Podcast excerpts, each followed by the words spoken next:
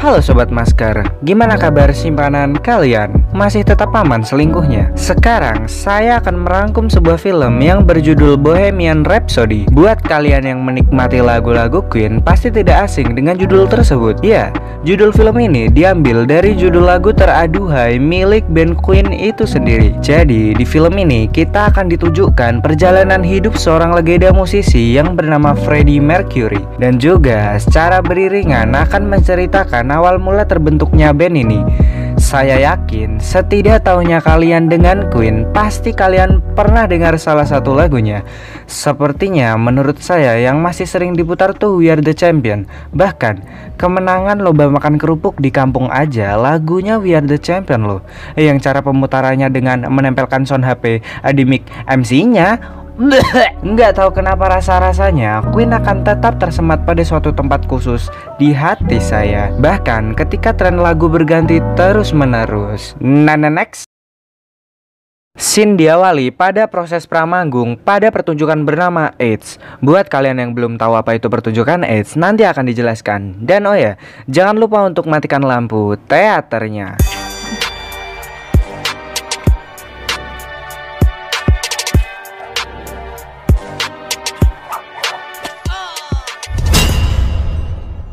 Alur pun mundur kembali pada saat belum ada Queen dan Freddy masih nampak seperti orang normal ya seperti kalian-kalian inilah. Freddy adalah seorang mahasiswa sekaligus bekerja di penanganan bagasi bandara. Malam itu, ia tengah menonton sebuah band lokal yang tampil di sebuah klub malam. Band itu bernama Smile. Setelah Smile usai bertampil, vokalis mereka malah muak dengan rutinitas band yang begitu-begitu aja dan nggak pernah berkembang. Lagi-lagi persis kayak kalian kalian. Persis banget. Bercanda ya lur. Saya anggap penikmat video ini adalah teman saya. Jadi janganlah ada formalitas sama kawan sendiri gitu. Aman. Lanjut saat Freddy menemui Brian si gitaris dan Tyler si drummer, ia merekomendasikan dirinya sendiri untuk menjadi vokalis barunya. Namun, di sana ia malah diejek karena giginya yang tak enak dilihat. Setelah itu, ia tak langsung pergi, namun bernyanyi dan menunjukkan skillnya yang sangat apik. Seusai bernyanyi, ia berbalik badan sambil berkata, "Akan aku pertimbangkan penawaran kalian." Sombong amat. Di sanalah awal mula Queen terbentuk. Oh ya, di malam itu juga Freddy bertemu dengan seorang wanita bernama Mary yang nanti akan menjadi kekasihnya. Ia sangat tertarik dengan keeksotisan Freddy secara fisik. Nah, next, satu tahun berlalu, Freddy yang jiwa kepedeannya udah selangit ini berani-beraninya menjual mobil van milik rekannya dan uang hasil penjualan akan jadi modal untuk rekaman. Di hari ulang tahunnya, Freddy mendapat telepon dari seseorang yang menyampaikan pesan bahwa salah satu orang dari EMI menyaksikannya di studio. EMI adalah sebuah label yang juga sudah memiliki bintang pada saat itu seperti Elton John. Saat orang itu mendengar demo lagu Queen, ia tertarik dan ingin bertemu dengan seluruh member dan juga akan ada kemungkinan ia akan menjadi manajer dari Queen. Waktu terus berjalan, kita diarahkan pada sebuah adegan di mana Freddy melamar Mary di kamarnya. Kok telanjang gitu? Habis ngapain tuh? Mary pun menerimanya. Saat Freddy hendak menyosor wanita tersebut, tiba-tiba rekan Queen mereka masuk tanpa assalamualaikum. Bangke, teman laknat nih. Nggak jadi dong adegannya.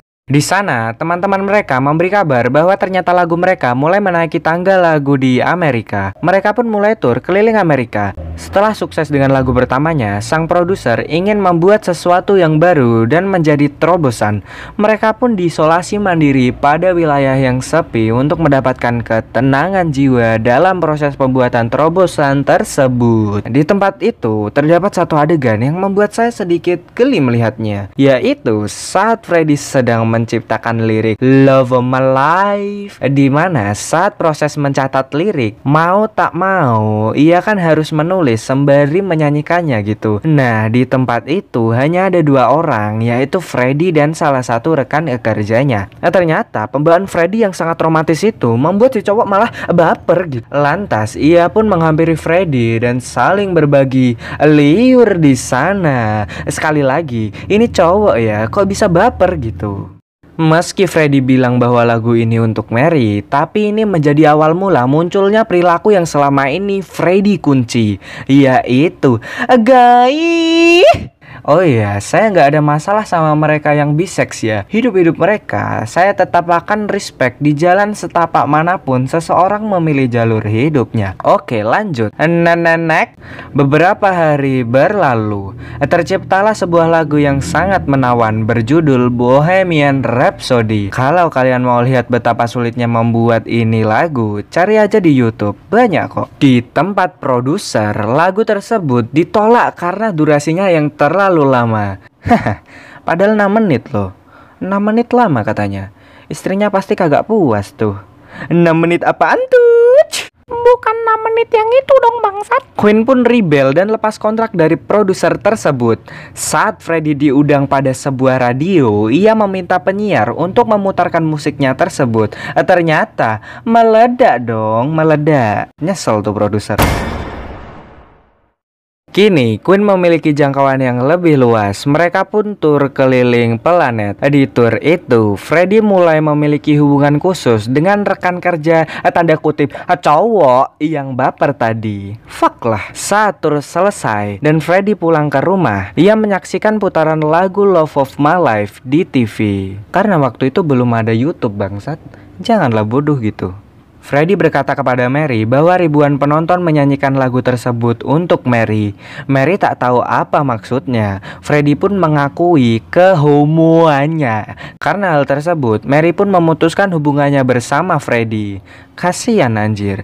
Sejak saat itu, Freddy merubah tampilannya seperti suka bapak. Saat Freddy mengadakan party di rumahnya, Freddy jatuh cinta kepada Jim Hutton, yaitu seorang pelayan pesta tersebut. Namun, mereka berpisah dan Jim berkata kepada Freddy untuk mencarinya setelah ia belajar untuk mencintai dirinya sendiri. Apa maksudnya? Nanti berjalan seiring apa adanya. Astagfirullah, tobat wahai pemuda. Pada sebuah konferensi pers untuk promo album Hot Space, Freddy disudutkan oleh wartawan yang membombardirnya dengan pertanyaan mengenai kehidupan pribadi dan seksualitasnya. Ternyata, udah dari zaman dulu berita sensasi lebih dicari media. Promonya album, ditanyainnya urusan pribadi dong. Nenek Hubungan Freddy bersama rekan-rekan Queen memburuk ketika ia mengumumkan bahwa dirinya telah menandatangani kontrak solo yang kalau dikira-kira nilainya jauh lebih besar dibanding gaji seluruh member Queen. Udah ngerasa jago nih Bang Freddy. Ya sebenarnya emang jago sih. Freddy pindah ke Munich pada tahun 1984 meninggalkan Queen untuk mengerjakan album solo pertamanya yang berjudul Mr. Bad Guy. Di sana ia mulai berhubungan seksual dengan Paul, pria yang baper ketika Freddy nyanyi Love of My Life. Di Munich, ia tampak kacau, selalu party gay dan juga konsumsi tepung-tepungan. Mary datang menjenguk Freddy yang tak pernah ada kabar. Di sana, ia sedang menggigil kedinginan karena habis main tepung-tepungan. Aduh, belum diberesin masak-masakannya. Kok udah tidur sih? Di sana, Mary mengabari bahwa dirinya hamil dan juga menanyakan tentang konser Aid. Mengapa Freddy tak pernah mengangkat telepon dari manajer Queen dan juga Mary gitu. Jadi, konser Aid adalah konser penggalangan dana untuk korban bencana kelaparan di Afrika. Murni sodakoh gitu. Ternyata, Paul si baperan tak memberitahu Freddy tentang konser tersebut. Dan menurut saya, tujuannya supaya Freddy tak bersatu dengan Queen sehingga Paul dapat mengontrol si rockstar tersebut. Wah, dimanfaatin nih. Paul pun datang membawa rombongan tamu. Agai. Mary pun pergi dan Freddy mengajarnya. Di tengah hujan, Freddy mengungkapkan bahwa dirinya merasa takut. Mary berkata bahwa Freddy tak perlu takut karena apa pun yang terjadi, Freddy adalah orang yang sangat disayangi oleh Mary, Brian, Daisy, dan Roger, juga keluarganya. Sedangkan Paul dan pria-pria itu tak murni mencintainya. Mary menyuruh Freddy untuk pulang. Setelah tahu bahwa Paul menyembunyikan berita ini darinya, Freddy yang marah memutuskan hubungannya dengan Paul. Sebagai balasannya, Paul mencepukan kepada publik tentang perihal seksualitasnya si Freddy yang tentu sangat abnormal. Paul bangsat emang. Ya udahlah, temen kayak gitu emang harus ditinggalin. Untuk tahu jalan pulang, terkadang kita memang perlu tersesat gitu. Freddy kembali ke London lantas meminta maaf kepada rekan bandnya dan si manajer. Mereka akhirnya berbaikan dan diberi tempat untuk tampil terakhir di Live Aid.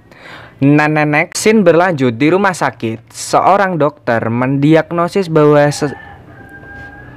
Seorang dokter mendiagnosis bahwa Freddy terjangkit AIDS.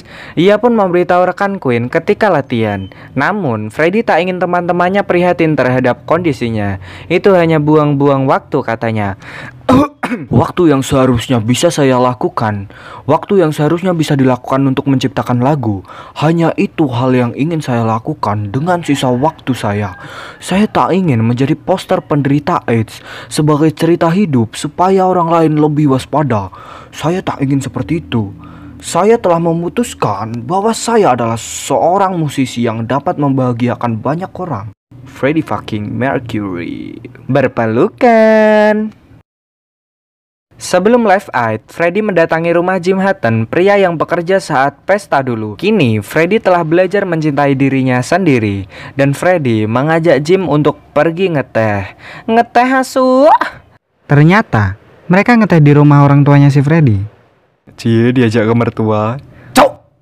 Setelah mampir ke Sebeh dan Semeh, Freddy pun pergi ke Wembley, lokasi konser diadakan. Namun, sebelum Freddy bertolak, ia pamit dan berkata akan memberi kecupan kepada ibunya di atas panggung. Queen pun tampil. Di sana Freddy tampil energik dengan penonton yang sangat banyak. Kalau kalian mau lihat versi aslinya, bisa deh dicari di YouTube. Ketik aja konser 8 Queen uncah uncah gitu Canda lur, udah cari aja konser Ed Queen gitu, udah ketemu kok. Pakai unch-unch juga bisa kok. Di sana, Queen berhasil mengumpulkan donasi yang memenuhi target. Di konser tersebut juga dijelaskan aksi ikonik Freddy yang ternyata kecupan tersebut untuk semehnya yang nonton di rumah. Tampak juga produser yang menyesal telah menyia-nyiakan Queen. Film pun usai, Freddy hidup bahagia bersama Jim hingga akhir hayatnya. Untuk pesan-pesannya, kalau dari persepsi saya saat menonton adalah kita harus tetap percaya akan value yang kita punya. Bahkan seorang yang namanya sebesar Freddie Mercury berawal dari penolakan rekan bandnya sendiri. Yang juga gokil menurut saya adalah saat ia menjual mobil di mana itu bukanlah barang murahan dan juga menggunakan uangnya untuk menyewa stadio gitu. Udah gila pak, kalau gak sukses bisa stres pak itu temennya yang punya mobil. Tetapi seluruh asumsi itu bersumber dari kepala saya dengan banyak faktor serta kondisi dalam perjalanan hidup saya. Kalau saja otak kalian berpikir lain, tentu saja sangat boleh. Ya udah gitu aja kali ya. Kalau berani jangan lupa share ke grup keluarga kalian gitu. Enggak lah jangan. Oh ya jangan lupa subscribe Karena kalau belum 1000 subscriber Enggak bisa pasang iklan pak. I have no any closing. Goodbye motherfucker. Jangan lupa pakai masker